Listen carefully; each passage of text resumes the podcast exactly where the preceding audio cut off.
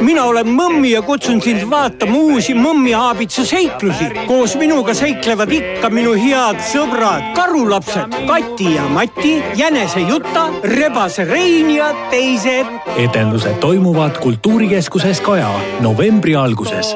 piletid saadaval Piletilevis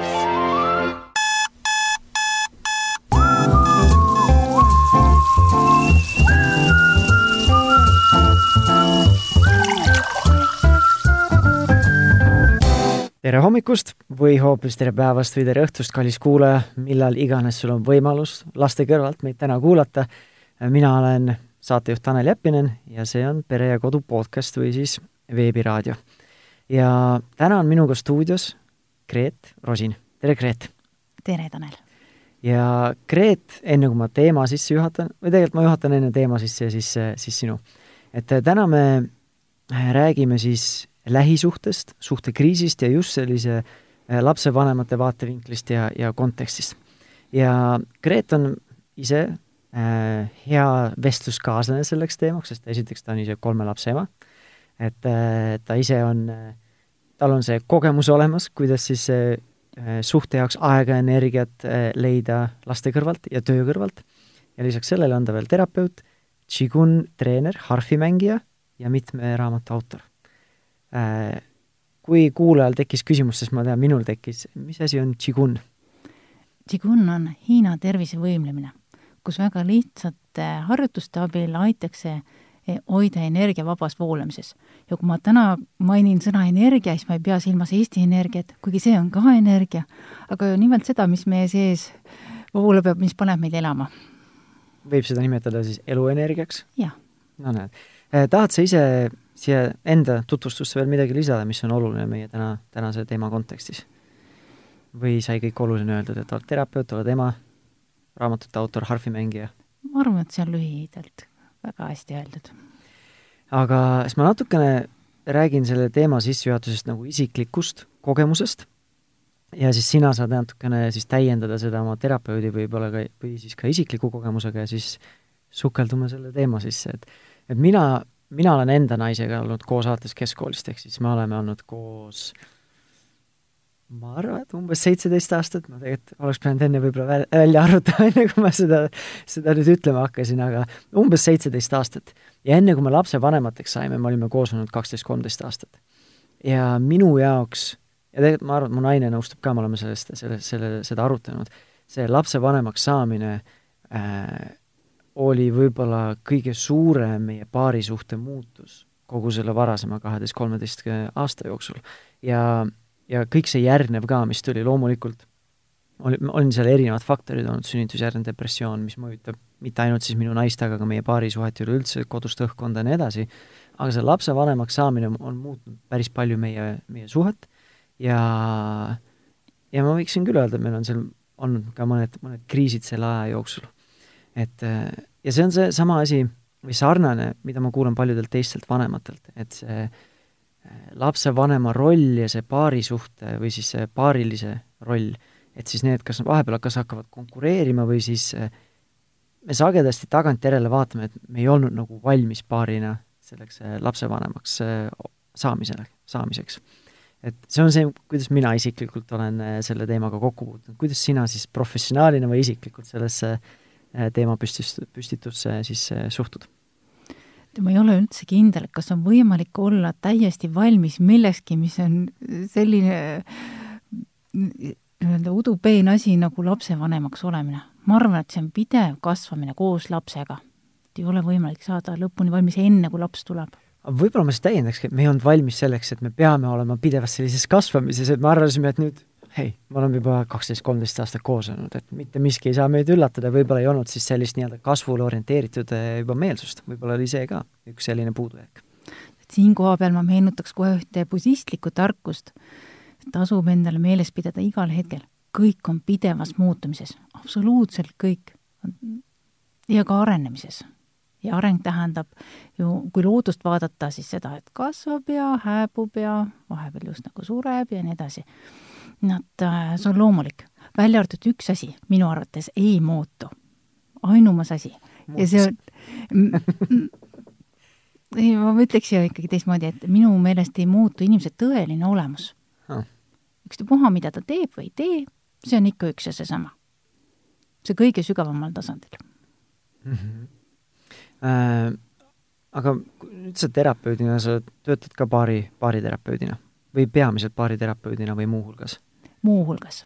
mm? -hmm. et mis on need levinumad põhjused, mis sina, millega sina oled kokku puutunud professionaalina, et miks siis lähisuhe jääb äh, kas tahaplaanile või siis muutub kehvemaks või siis tõesti langeb suisa kriisi äh, just lapsevanemate kontekstis, et mis mis sina oled näinud ja mis sa arvad, mis selle põhjused on? no laps, noorte lapsevanemate puhul tihtipeale on ju põhjuseks see, nii-öelda kriisi tekkimisel, et ei ole osatud luua infrastruktuuri, mis toetaks lapsevanemaks olemist. see tähendab seda, et kas siis emal või isal ei ole piisavalt aega iseenda jaoks. see on see, kust tekivad need sünnitusjärgsed depressioonid ja masendused, nii et need noored emad ühel hetkel lihtsalt ei jaksa enam. Nad on nii tühjad, kuna neil pole aega iseenda jaoks. see on üks kõige olulisemaid asju, et see infrastruktuur, midagi sellist, mille peale tasub kindlasti enne mõelda või siis vähemalt raseduse ajal seda luua.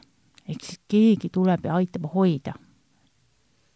iga inimene vajab seda omaette oleku aega nagu õhku ja ma nõustun sada protsenti sellega, et et kui mina vaatan enda kogemust, siis see on kindlasti üks suur faktor, mis äh, nii-öelda oli nagu põhjuseks või nii-öelda, ma ei tea, kas panustas on õige sõna, aga panustas sinna minu naise selle, nende sümptomite nii-öelda esile kerkimisele, sest äh, me elasime mingi viis-kuus kuud vahepeal Kanadas minu tööga sõlt-, seoses, kus tal ei olnud tugistruktuuri, tal ei olnud tugigruppi äh, ajavahega oli ka veel keeruline vahepeal olnud ka virtuaalselt olla nii-öelda ühenduses oma lähedastega ja nii edasi, et äh, mis sa mõtled selle infrastruktuuri all või millele üldse tähelepanu pöörata? nüüd kui keegi nüüd võttis, ütleme, keegi kuulab, kes võib-olla alles ootab esimest last või tal on juba see väike beebi käes ja ta ise tunneb, et jah, see kõnetab mind, aga nüüd, ma ei tea, infrastruktuur, mis, mille, mis ma selle nüüd terminiga peale nüüd hakkan?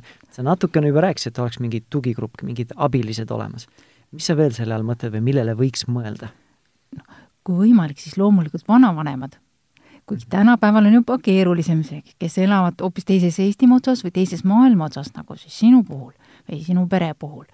Aga kui ei ole vanavanemad piisavalt lähedal, siis tasub ette mõelda lapsehoidja peale või siis sõbrannadega koopereeruda, kes siis kellele aitab vahepeal hoida, üks hoiab kahte last, kuigi noh, väikse imiku puhul see nüüd nii lihtne ei ole, aga on siiski olemas professionaalsed lapsehoidjad, kes selles osas aitavad. ja mina leidsin endale, nagu noorema pojaga seonduvalt läbi tutvuste ääretult hea lapsehoidja, kes mind aitas tollel perioodil mm. -hmm. Ähm, on midagi veel selles infrastruktuuris peale selle lihtsalt inimeste, kes sul olemas on, kes saavad sulle toeks olla, et aita, annavad sulle ajalist või ajalist ressurssi iseenda jaoks võtta? ma arvan, et see on kõige, kõige olulisem mm. -hmm. Ähm, kuigi infrastruktuuri alla muidugi käivad ka kõik need targad, mis arstid või terapeudid, kelle poole kohe saab pöörduda, kui sul on mingi küsimus. Ta ei pea olema sul niimoodi, et saab kohale tulla, aga et vähemalt kellele sa saad helistada kohe, kui mingi spetsiifiline küsimus, eriti just esimese lapse puhul. jah, no eks see esimene laps on see et see oli nagu paljud asjad, mis tegelikult ju täiesti normaalsed asjad või vähemalt mind isana tegid ärevaks, et ongi laps, ma ei tea, nutab jälle tükk aega, on jälle suur mure ja hakkad juba ise mingi ketrama mõtteid, et mis võiks lahti olla ja nii edasi, et selles mõttes on nõus. aga nüüd tuleks selle, selle juurde tagasi, et miks seda infrastruktuuri vaja on. sa ütlesid, et eh, aeg iseenda jaoks on sama oluline kui õhk. tahad sa natukene seda mõtet laiendada? see käib eh, tegelikult nii paarisuhte, lapsevanemaks olemise kui ka kõige muuga seonduvalt. vaja võtta igapäevaselt aega iseenda jaoks, et pöörata pilk iseendasse, panemaks tähele, mis seal toimub. millised on vajadused, mis häirib, mis üldse sisemaailmas toimub. ilma selleta me kipume sellelt rajalt maha astuma ja ühel hetkel on juba liiga hilja või noh, kas liiga hilja, aga on väga keeruline, väga raske ja siis nad tulevad mu juurde juba hoopis teiste muredega. -hmm. mul on hea meel, et sa rõhutasid seda, et see on aeg sinule endale, sest äh, muuhulgas ma ise juhin vanemlusgruppe ja meil just hiljuti üks äh, ema küsis äh, nõu või abi teiste emade käest, et Tallinnasse head lapsehoidjat leida. ja et seda, et seda on nagu raske leida, ja siis me natuke rääkisime seal ja siis tuli välja, et et tal on lapsehoidjat vaja selle jaoks, et äh, koduste töödega järje peale jõuda et siis, et see nagu ei ole päris see minu aeg või, või mis. kuigi ka seda, oleneb, kuidas sa seda kasutad, kui sulle see tõesti rõõmu pakub, ma tean, et on inimesi, kellel meeldib koristada, las nad siis kasutavad seda aega sedasi, aga enamik inimesi siiski ei naudi koduseid majapidamistöid, selle jaoks, vaata infrastruktuuri alla nüüd käivad ka koristajad, kes käivad mm, -hmm. saavad tulla ja abistada koristamisel, kodu koristamisel. täpselt sellesama emaga me lõpuks jõudsimegi sinna, et kui sul on nagu nii mit-, kui sa oled tükk aega juba hoidnud, otsinud endale lapsehoidjat ja leidnud, aga just sellepärast, et ta sul kodumajapidamistöid, töödega aitaks, siis minu arvamus on see, et koristajat on oluliselt lihtsam leida kui võib-olla lapsehoidjat, siis võta see koristaja, kes võtab sul need pinged maha, et sa saad siis pingevabamalt oma lapsega, väikese beebiga olla, on ju et see infrastruktuuri juurde, ma arvan, et see nii-öelda muud abilised mm, -hmm. mis iganes, olgu ta siis koristajad või siis vaata kas või on sul kodu lähedal see toidupood, mis teeb kodu, koju seda toomist sulle ja mis iganes, et pane need tugistruktuure endale paika, on ju. Aga, ja selle kodutööde juurde ma nagu mõnes mõttes nagu nõustun sinuga, et mina kodutöid ise ei naudi, ehk siis see kindlasti ei ole minu aeg. aga kui ma näiteks olen iseennast tööga vahepeal kinni tõmmanud, siis vahepeal on küll mõnus, ma lihtsalt pesen selle terve kraanidekausitäie nõusid ise käsitsi ära, mitte ei pane masinasse, see on mingil määral selline nagu terapeudiline tegevus, sest ma saan täiesti ennast lülitada teisele kanalile. et siis ma vahetan nagu mentaalseid või vaimseid kanaleid. jaa, see ongi täpselt suurepärane meditatiivne tegevus, kui sa oskad seda selliselt võtta ma küll pole siiamaani ühtegi meesterahvast sedasi kohanud rääkimas, aga tore, et vähemalt sina oskad seda sedasi vaadata. ma olen teiste isadega ka rääkinud, ma ei ütle, et see, et kõigil see mingi nõude pesemisega on, aga ma olen just, kui meestega olen rääkinud, siis millegipärast see nõudepesu on, võib-olla on see, et juba see voolav vesi võib-olla on seal, aitab kaasa Kindlasti. ja nii edasi. aga kui sa oled, ma ise tunnen küll, kui ma olen hullult pinges, siis loomulikult ma ei tahaks seda teha kaks tundi, aga mingi pool tundi nõusid pesta on see nagu mõnus, lülitan täiesti ennast välja mingist muust kuule, kui suur teie pere on, pool tundi nõusid pesta, on nii palju nõusid kahe peale või kolme peale? meil on neljaliikmeline okay. pere, aga võib-olla ma pesen siis aeglaselt nõusid, ma ei tea ega kuskil kiiret pole, võibki nautida aeglaselt. vot, et äh, see aeg iseendale, on sul endal, on sul mingeid soovitusi anda ka, et mida siis sellega võtta, et see tõesti äh, oleks nagu selline väärtuslik või kvaliteediga aeg, et mis tõesti taastab sind et kui ma nüüd liss-, lihtsalt istun, noh, mul on nüüd võimalus võtta pool tundi endale, väike beebi magab, on ju, ja siis lased pöidlaga telefonis kuskil Facebookis või Instagramis näiteks. Facebook ei ole aeg endale, see on aeg Facebookiga. nii, et saad sa siis täpsustada või on sul mingeid soovitusi, millele siis mõelda või mis aitaks siis seda ema või siis isa, et leida seda tegevust, mis tõesti taastab? See siis sõltub konkreetsest inimesest mm, -hmm. mis temas tekitab hea tunde, aga see kindlasti välistab ekraanid see ekraani taga istumine ei ole aeg iseendale.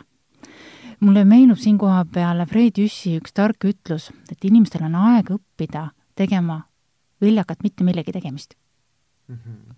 ehk siis sa lihtsalt oled, vaatad pilvi, kuulad äh, metsamühinat, merekohinat, linnulaulu, ilusat muusikat, mille ajal sa saad võib-olla ka pilgu pöörata iseendasse. see võib äh, hõlmata ka näiteks tantsimist jalutamist looduses, kännu otsas istumist, kivi peal istumist mere ääres. see peab sinus tekitama hea tunde, aga see ei ole kuidagi seotud ekraanidega mm. -hmm. ma sellega olen ühel nõul, et see, et see ei ole, sest sagedasti, isegi kui mõnikord olen mina ise sinna lõksu astunud, et äh, lihtsalt ma vaatan korraks, mis seal toimub ja siis on pool tundi on läinud, siis vahepeal, siis tuleb Äh, siis, siis on see koht, kus oleks vaja seda eneseempaatiat või enesekaastamist, siis hakkad iseennast tümitama, et kuidas ma küll sain seda teha, et ja hakkad ennast süüdi tun-, süüdi tundma panema, sellepärast et sa nüüd raiskasid selle pool tundi ära, see on jälle teine teema. aga see ekraanidega ma nagu nõustun, et see ei ole äh, see nii-öelda see kvaliteetne iseendaga aeg äh,. Üks asi on siis see, et lapsevanema, sul on vaja aega iseendale, siis teine asi ilmselt tänase teema kontekstis on vaja üks-ühele aega partneriga. just, aga esmalt peab sul olema aega iseendaga mm -hmm. ja seejärel tuleb siis aeg partneriga. ja siin mul meenub Anatoli Nekrassovi tarkus, kes ütleb, et perekonna struktuur näeb välja selline, et esimesel kohal oled sina, teisel kohal on su partner ja mis sa arvad, kes kolmandal kohal on? no mina tahaks öelda, et laps, aga aga vot. aga ma juba arvan, ei, ei no ma juba, kui sa küsisid niimoodi, siis ma ei, see nagu tundub, et see on see, mida sa nüüd, et ma ütle, ootan, et ütleks, mis ei ole võib-olla õige asi. et see kolmas, number kolm võrdub üks pluss kaks, eks see on koos olemine. ehk siis pereaeg või? ei, üks pluss kaks, ehk siis mina ja mu kaaslane, ehk mu abikaasa esimene, esimesel kohal siis... oled sina ise, teisel kohal on su abikaasa ja kolmandal kohal on üks pluss kaks. ehk siis, siis paarisuhe või? just, paarisuhe. okei okay. okay., see üks pluss kaks ajas mind segadusse, aga okay. aga neljandal kohal on lapsed. Ja viiendal kohal tulevad siis töö ja sõbrad ja vanemad ja hobid. ma väga nõustun sinuga, sest ongi, kui me ise töötame oma selle vanemusgrupiga ka, siis me tegelikult äh, see on nii-öelda võib-olla imelik, et keegi tuleb, et Äh, liitub programmiga, et siis olla parem lapsevanem, enamasti, et ma tahaksin õppida paremaid taktikaid nüüd, aga siis me tegelikult esimesed neli kuud keskendumegi sellele, et esiteks mina, siis minu partner ja paarisuhe, siis laps ja siis see pereüksus. Ja siis alles hakkame vaatama mingeid taktikalisi asju.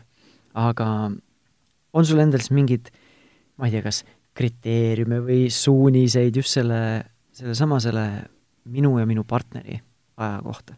et kui me rääkisime, et et jääda nii-öelda siis äh, iseendaks või leida aega sellele, et ei, et suhe ei läheks kriisi, et üks asi, et leia aega iseendale ja siis leia aega partnerile.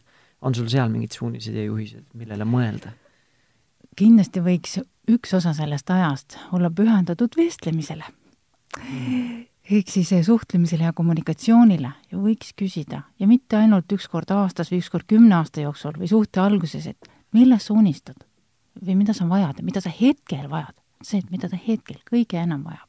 ja sinna juurde, no selle võiks küll suhte alguses juba selgeks teha või välja selgitada, milline on sinu iseenda ja partneri esmane armastuse keel. Millest sa saad aru, et sind armastatakse ja kuidas või mil moel saab sinu partner aru, et teda armastatakse? sest armastuse keeltega on selline lugu, et neid on rohkem kui üks.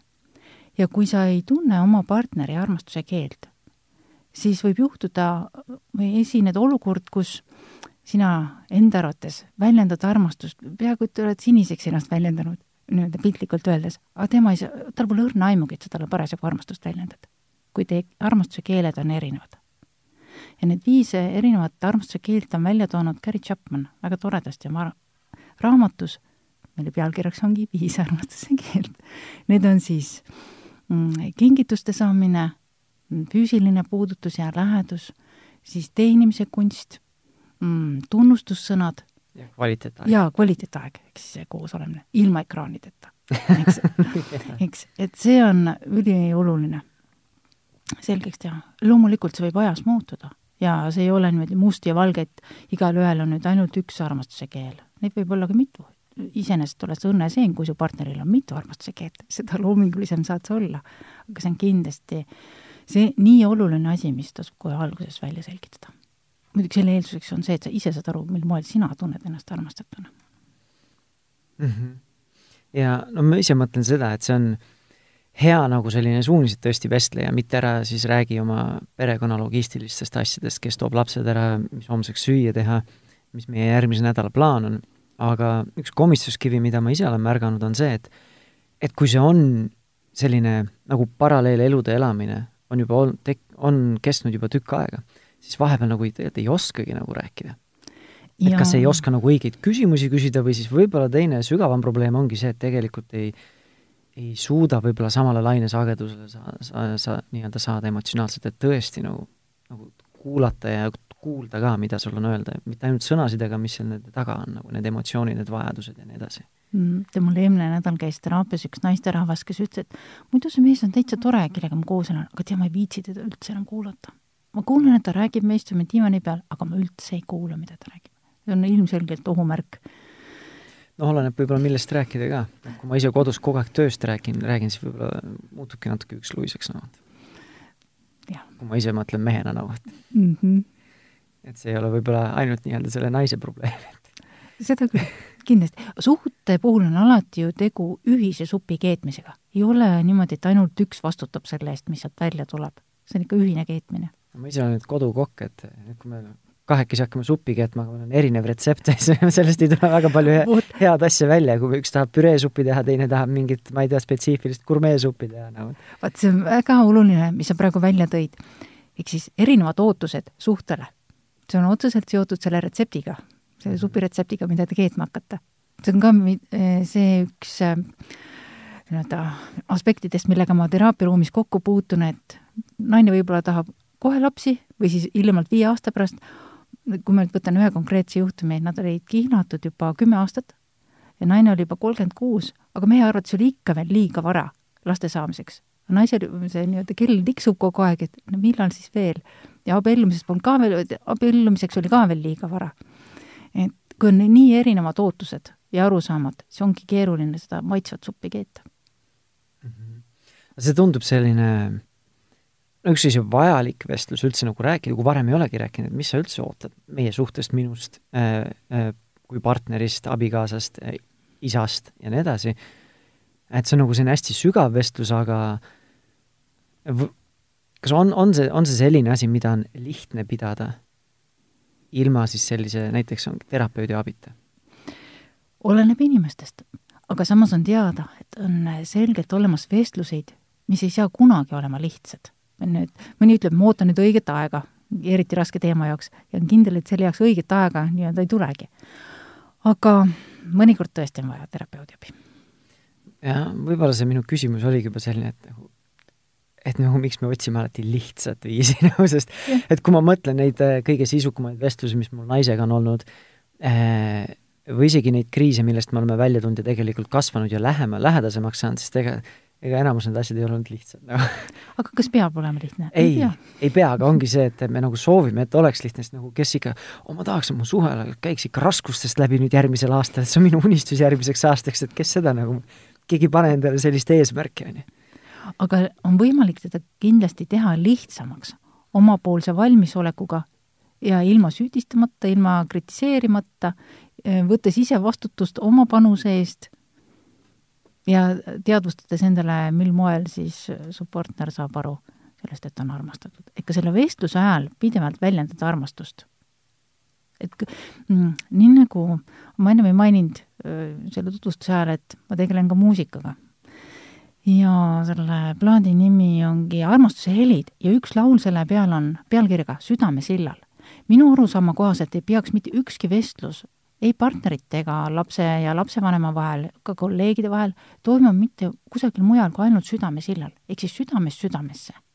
siis on lihtsam rääkida ka rasketel teemadel, keerulistel teemadel mm. -hmm.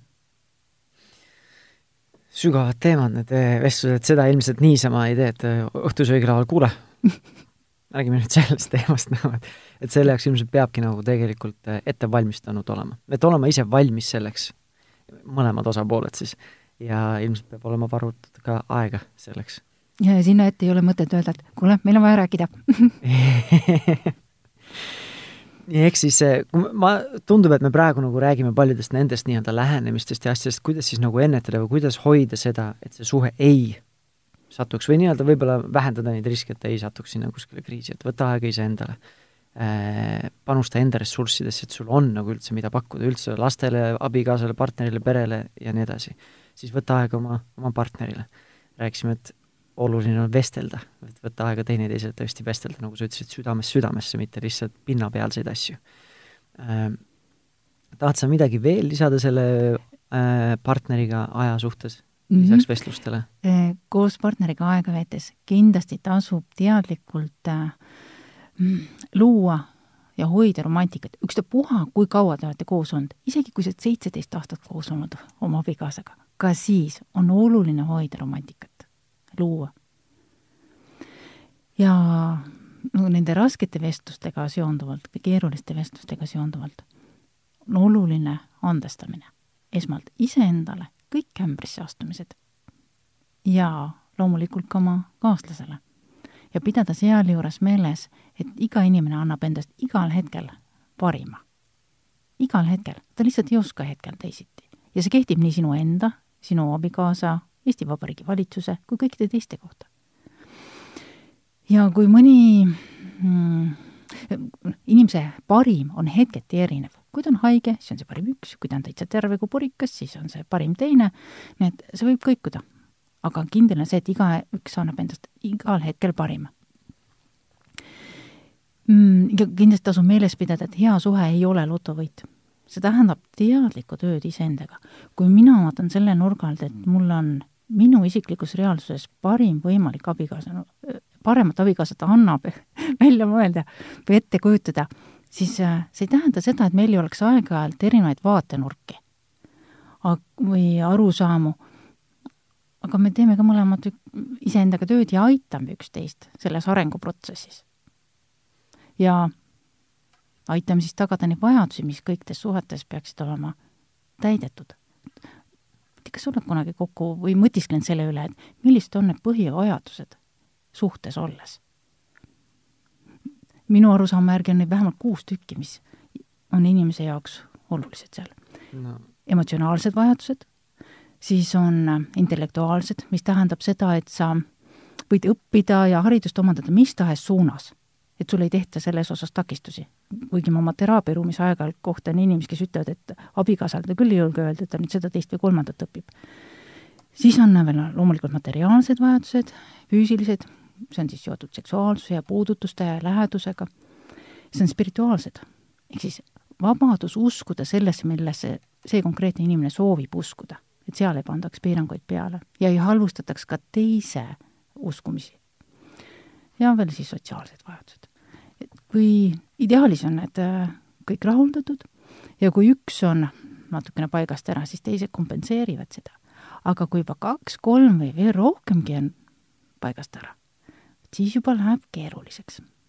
siis võib tekkida küsimus, et kas suudetakse üldse pikaajaliselt seda harmoonilist lähisuhet hoida mm. -hmm. kui ma nüüd mõtlen äh, nendesama vajaduste suhtes, siis äh, tänapäeval lihtsalt tundub, et me kõik lihtsalt tormame siin eh, elust nagu läbi, et kogu aeg on kiire, kogu aeg on tegemist ja me tegelikult ei, et kui küsida, et mis on minu füüsilised vajadused suhtes, mis on minu emotsionaalsed vajadused ja nii edasi, et siis see võtab ikka aega, et mõelda, et see ei ole see, et nüüd ma puusalt kohe tean öelda sulle, mis mul vaja on. et ja sagedasti, kui ma olen oma naisega rääkinud ka, eriti nagu kui ma ise olin, kui kui me tegelesime tema selle depressiooniga, no me siiamaani tegeleme, aga siis vahepeal ise, kui oledki frustreerinud juba ise sellest, siis küsidki nagu, et mis sul vaja on nagu. ja siis teine pool ei oskagi sulle midagi vastata. tead, kui sa räägid depressioonist, siis ma korraks põikan Hiina meditsiini, mida ma doktor Birklandi juhendamisel olen aastaid õppinud, seal tuuakse välja kahte tüüpi depressiooni, üks on täistüüpi ja teine tühja tüüpi. ma alustan sellest tühja tüüpi. see, tihtipeale see on seotud just väikeste laste emadega kui inimene on ennast ära kurnanud kas tööga, laste sünnitamise, laste kasvatamise või siis millegi muuga, sest Hiina meditsiini seisukohalt lapsed kasvavad ema neeruenergia pealt. loomulikult on isadel ka väike roll, aga vot põhimahv läheb emadele. kusjuures äh, neerud peavad varustama ka aju, nii-öelda toitma aju.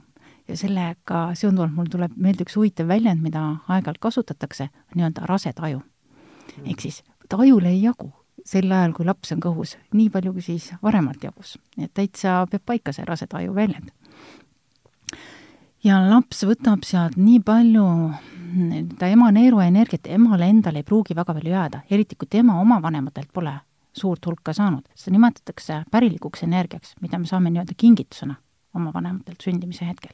Aga kui endal ka napib ja veel lastele annad ja vahepeal ei taastu või ei oska taastada seda, siis võib tekkida olukord, kus sa ei jõua kätt ega jalga liigutada, ei jaksa elurõõmu tunda, kõigest sellest, mis varem sind rõõmustas, sest sa oled nii tühi see on siis see tühja tüüpi masendus. aga see ei ole üldse lootusetu. võimalik, näiteks seesama Hiina meditsiini tervisevõimlemine, Tšetšukun, nende lihtsate harjutustega turgutada, toetada ka neerukanalit, loomulikult ka kõiki teisi. See erineb siis sellest täistüüpi depressioonist, kus inimene on reeglina niisugune punane, vihane, viha on alla surutud, aga noorte emade puhul on tavaliselt see tühja tüüpi. kui nende Äh, paarisuhte teemade juurde tagasi tulles, ma sellega nagu täiesti nõustun, et anda sada protsenti, sest ma hiljuti, tegelikult ei olnud nii hiljuti, rohkem kui aasta aega tagasi ma sattusin äh, kuskil podcast'is kuulma seda, et paarisuhe ei ole viiskümmend, viiskümmend. et ongi sada protsenti sada protsenti, mhm. mitte see, et fifty-fifty, on ju. Ja aga nüüd ma tahaksin hästi korraks tagasi tulla selle romantika juurde, et võib-olla see on nüüd ainult meesterahvana, aga kui keegi ütleb, et nüüd hoia romantikat, siis nagu ei ütle mulle mitte midagi, mis see tähendab, mis ma tegema siis pean või, või ja mis sa, mis, mis mult nagu oodatakse sellega, et mis, mis ma teen, ma toon nüüd sulle lilli, pean tooma iga päev sellele oma naisele või, või mis see tähendab nagu no?? aga vot seda sa pead küsima oma naise käest. mis on tema jaoks romantiline, milline muusikapala? Vot võib lihtsalt öelda, et muusika, küünlad ja hea toit, eks. aga küsimus, see käib nüüd sinna viie armastuskeele alla mm. -hmm. mis on sinu jaoks või sinu naise jaoks romantiline? see peaks ikka teile mõlemale meeldima okei okay,, nüüd on natuke lihtsam, nüüd ma saan mine koju, räägi nüüd on taktikalisem, ei, me oleme viis armastuskeelt selle testi ära teinud, et me mm -hmm. teame, teame seda asja ja nüüd on mul jälle kohe konkreetsem, et muidu on mingi üldine romantika, nüüd on, näed, viis armastuskeelt mm. -hmm. Panustasin äh, naise armastuse anumasse nende selle keelega, mm -hmm., lihtne või lihtsam mm -hmm. nüüd, okei okay. äh,. on midagi veel siis äh, lisaks sellele, et võtta aega iseendale, võtta aega partnerile, millega siis saab aidata siis ennetada äh, neid suhtekriise? emotsioonid. seal tulevad mängu kõik varasemad emotsioonid, mille sa oled endasse salvestanud, alla surunud, ära peitnud, enne kui sa üldse oma abikaasaga kokku said. ehk siis minevikukott, millega sa ringi käid ja mis läheb tavaliselt lahti siis kõige ebasobivamal hetkel, või mingite väikeste asjade peale, seda tasuks teadlikult tühjendada. selle jaoks on täitsa olemas teraapiavõtted, tühjendamaks vana emotsioonide potti kujundlikult ongi in-, ka inimese sees selline anum, mis mahutab teatud hulgal stressi, toksiini, emotsioone. kõik kena, kuni nad sinna potti ära mahuvad. aga kui langeb viimane piis karikasse, vaat siis ta hakkab üle ajama. Mõnel ilmneb ta siis ärevuse, depressioonina, mõnel füüsilise haigusena või plahvatab järjest kogu aeg. Neid inimesi käib mul ka, kes on seda tüüpi, et plahvatavad üks mees astus teraapiaruumi ukse sisse ja esimese asjana ütles mulle, et teate, ma hoiatan teid, ma iga kümne minuti tagant plahvatan. temal oli see pott nii täis, kogu aeg ajas üle ääret, ütles, et kõik mu alluvad on harjunud sellega, et ärge võtke isiklikult, aga selle tunni aja jooksul, mis ta minu juures oli, plahvatanud ta kordagi, me järjest tühjendasime seda. Seda tasub teadlikult tühjendada ja seonduvalt emotsioonidega on suhtes kriisi ennetamiseks ülioluline, et sa ei läheks viha tasandile ja süüdistamise tasandile. vali kõike muud, aga mitte neid.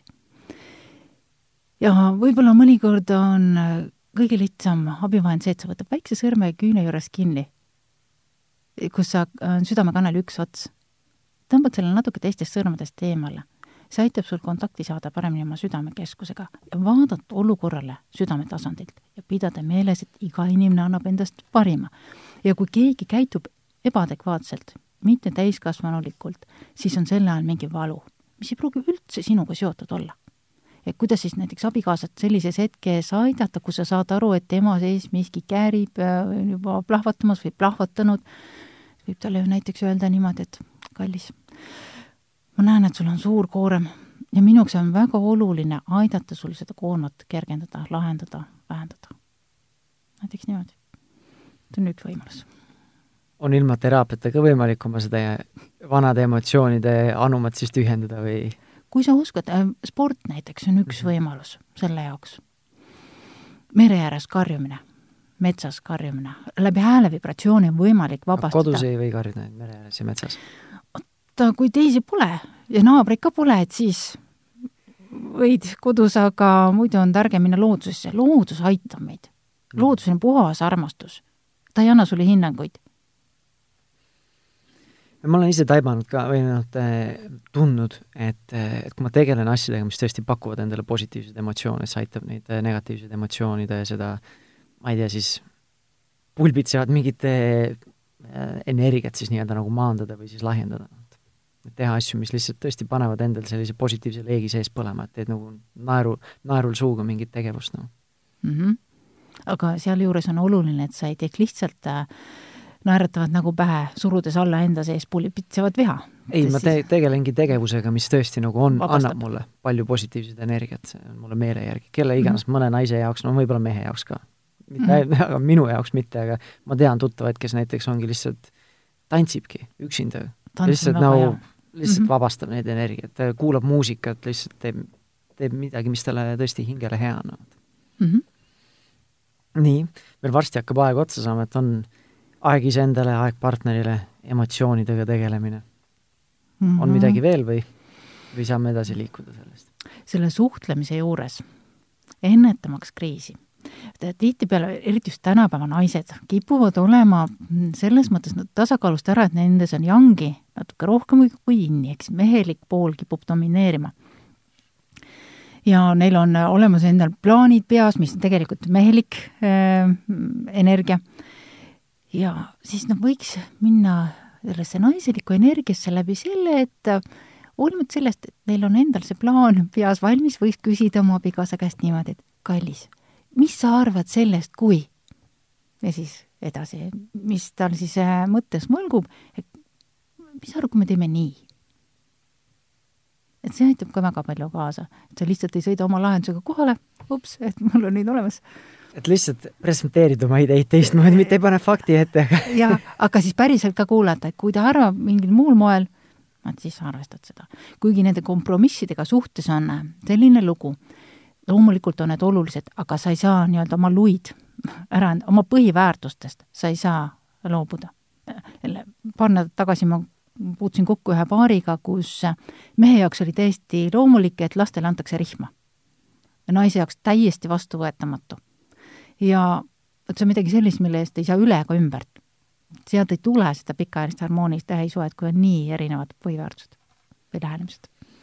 jah, no üks asi, kas see on põhiväärtus või on lihtsalt see, millega see ma olen on... harjunud ja jah ja... ta ei osanudki mitte mingit muud moodi ja see on põhiväärtus, aga see on tema harjumus ja nägemine mm. -hmm. nüüd ma, kui me rääkisime sellest, et kuidas siis nii-öelda ennetada või siis eh, teha endast sõltuv, et siis eh, seda suhet hoida laste kõrvalt ja pere kõrvalt siis ma küsiksin sinu käest ühe sellise küsimuse, natuke, ma ei tea, kas see on provotseeriv, aga üks asi, mida ma ise palju kuulen, on see, et et kõik tundub väga vahva ja äge ja loogiline ja õige, aga kus ma selle aja ja energia võtan nüüd? et mul ei ole aega, mul ei ole energiat kõikide nende asjadega tegeleda, kus ma võtan selle aja, et nüüd partneriga iga nädal või ma ei tea, kui sagedasti nüüd istuda ja rääkida ja vaadata silma ja hoida kätt ja ja veel vähem võib-olla mõnikord on iseendale võtta regulaarset aega ja nii edasi, et see on seotud prioriteetidega. mis on sinu jaoks elus oluline? ma ei tea mitte ühtegi inimest, kes oleks äh, surivoodil kahetsenud seda, et oh, miks ma küll nii vähe tööd tegin. pigem ikka seda, miks ma oma pere ja lähedastega nii vähe aega veetsin. ja tasubki teadlikult kirjutada oma märkmikusse, kalendermärkmikusse, kohtumine kõigepealt iseendaga ja me jõuamegi sinna see peab olema kirjas, sest on inimesi, kes ei suuda ei öelda, kui nüüd midagi palutakse, aga kui sul on kirjas konkreetsel kuupäeval, konkreetsel kellaajal kohtumine iseendaga, siis sa saad öelda, et oi, mul on juba kohtumine kokku lepitud ja sa ei pea ütlema talle, et kellega see on kokku lepitud, aga mul on see kokku lepitud. siis samamoodi abikaasaga, lastega, kui on suuremad lapsed, kes hakkavad võib-olla pesast välja lendama, samamoodi vajavad nemad tähelepanu peresuhete kontekstis siis. nii et see on teadlik aja planeerimine. Ei, ma sada protsenti nõustun sinuga, see on lihtsalt see, mida ma ise olen palju kuulnud. ja, ja see on täpselt samamoodi nagu sama asi, mis mina ütlen või ütleksin ja mi-, kuidas ma ise püüan nendele nii-öelda siis väljakutsetele läheneda. ja, ja siis teine asi, mis me saamegi nagu ringiga tagasi tulla selle juurde, millest sa alustasid, infrastruktuur, ongi see, et kui mul ei ole seda aega, kui ma vaatan, mul ei ole võimalust aega endale võtta, ütleme, kui ma olen näiteks kodune lapsevanem, siis algabki sellest, et mine oma tugigrupi juurde või pane see infrastruktuur paika, et sul on see võimalus mm. -hmm. ja sealjuures veel kõige olulisem on kui, miks sa üldse peaksid valima või kuidas sa suudad oma prioriteedid paika panna, see, kui sa oled kontaktis oma tõelise olemusega ja armastusega. minu arusaama järgi meie tõeline olemus ongi puhas armastus. kui sa vaatad mõnda vastsündinud lapsukest, ta ongi ju puhas armastus, mitte midagi muud seal ei vaata sulle vastu. Ainult puhas armastus. ainult miskipärast mm, kas siis ühiskonna või kõige ümbritseva virvarri pärast kaotame selle kontakti ära, selle armastusega armastus on see, mis ravib ja aitab igas olukorras. ja kui öeldakse, et armastus on pime, mina arvan, et ei ole. just armastus näeb, armastus, armastus teebki nägijaks. väga poeetiline. kas lõpetame selle, selle, sellel noodil või? sobib, sobib. Armastus, armastus eelkõige tasub lasta end kanda armastuse helidel, armastuse lainel olla ja igal hetkel ka näiteks kirjutades, kui sa kirjutad tööalaseid kirju, põhimõtteliselt ühe vaatenurga kohaselt võiks ka see olla armastuse kiri, armastuskiri nagu armastusest lähtuvalt. isegi siis, kui on mingi lahendamist vajav olukord, et sa vaatad sellele armastava pilguga mm. -hmm. mul meesterahvana lihtsalt vahepeal nagu raske nagu hoomata, mis see tähendab siis nagu, mina tõlgendan seda, mis sa ütlesid, et lihtsalt tee kogu hingega, tee sajaprotsendilise pühendumusega hingega seda. minu jaoks see tähendab seda, et sa ei anna hinnanguid, et sa aktsepteerid inimesi sellistena, nagu nad on, ilma püüdmata neid muuta. lubad neil olla need, kes nad on, lubad neil valida, mida nad valivad. armastades ja väärtustades iseennast ja teisi. väga hästi, sobib. aitäh sulle, Gret! aitäh, olge hoitud! Ja aitäh sulle ka, kuulajad, selleks korraks äh, on kõik. Ja nagu ikka, kui tänane podcast oli sulle meeltmööda või andis sulle midagi, siis äh, neid suhteteemasid oleme päris mitmes saates äh, lahanud. Ja meil on nüüd nii-öelda arhiivis juba üle viiekümne saate. Ja sa leiad need kõik varasemad saated kas oma nutitelefoni podcasti äpist, Spotify'st või siis Delfi ja Pere ja Kodu veebiväljaandest. ja, ja mul on sulle endale üks isiklik Äh, üleskutse ka, et äh, muuhulgas ma juhin Facebooki gruppi Positiivne ja rahumeelne vanemlus ja nüüd oktoobri lõpus on meil tulemas üks tasuta neljaosaline rahumeelse vanemluse veebikursus, millest eelmine aasta võttis osa üle tuhande viiesaja lapsevanema. Ja kui see kõnetab sind rahumeelselt, ilma karistusteta lapsi kasvatada, siis äh, võid rohkem uurida selle tasuta kursuse kohta veebilehel taneljapinen.com kaldkriips pere ja kodu, kõik kokku kirjutatud aga selleks korraks kõik, aitäh kuulamast ja järgmise korrani!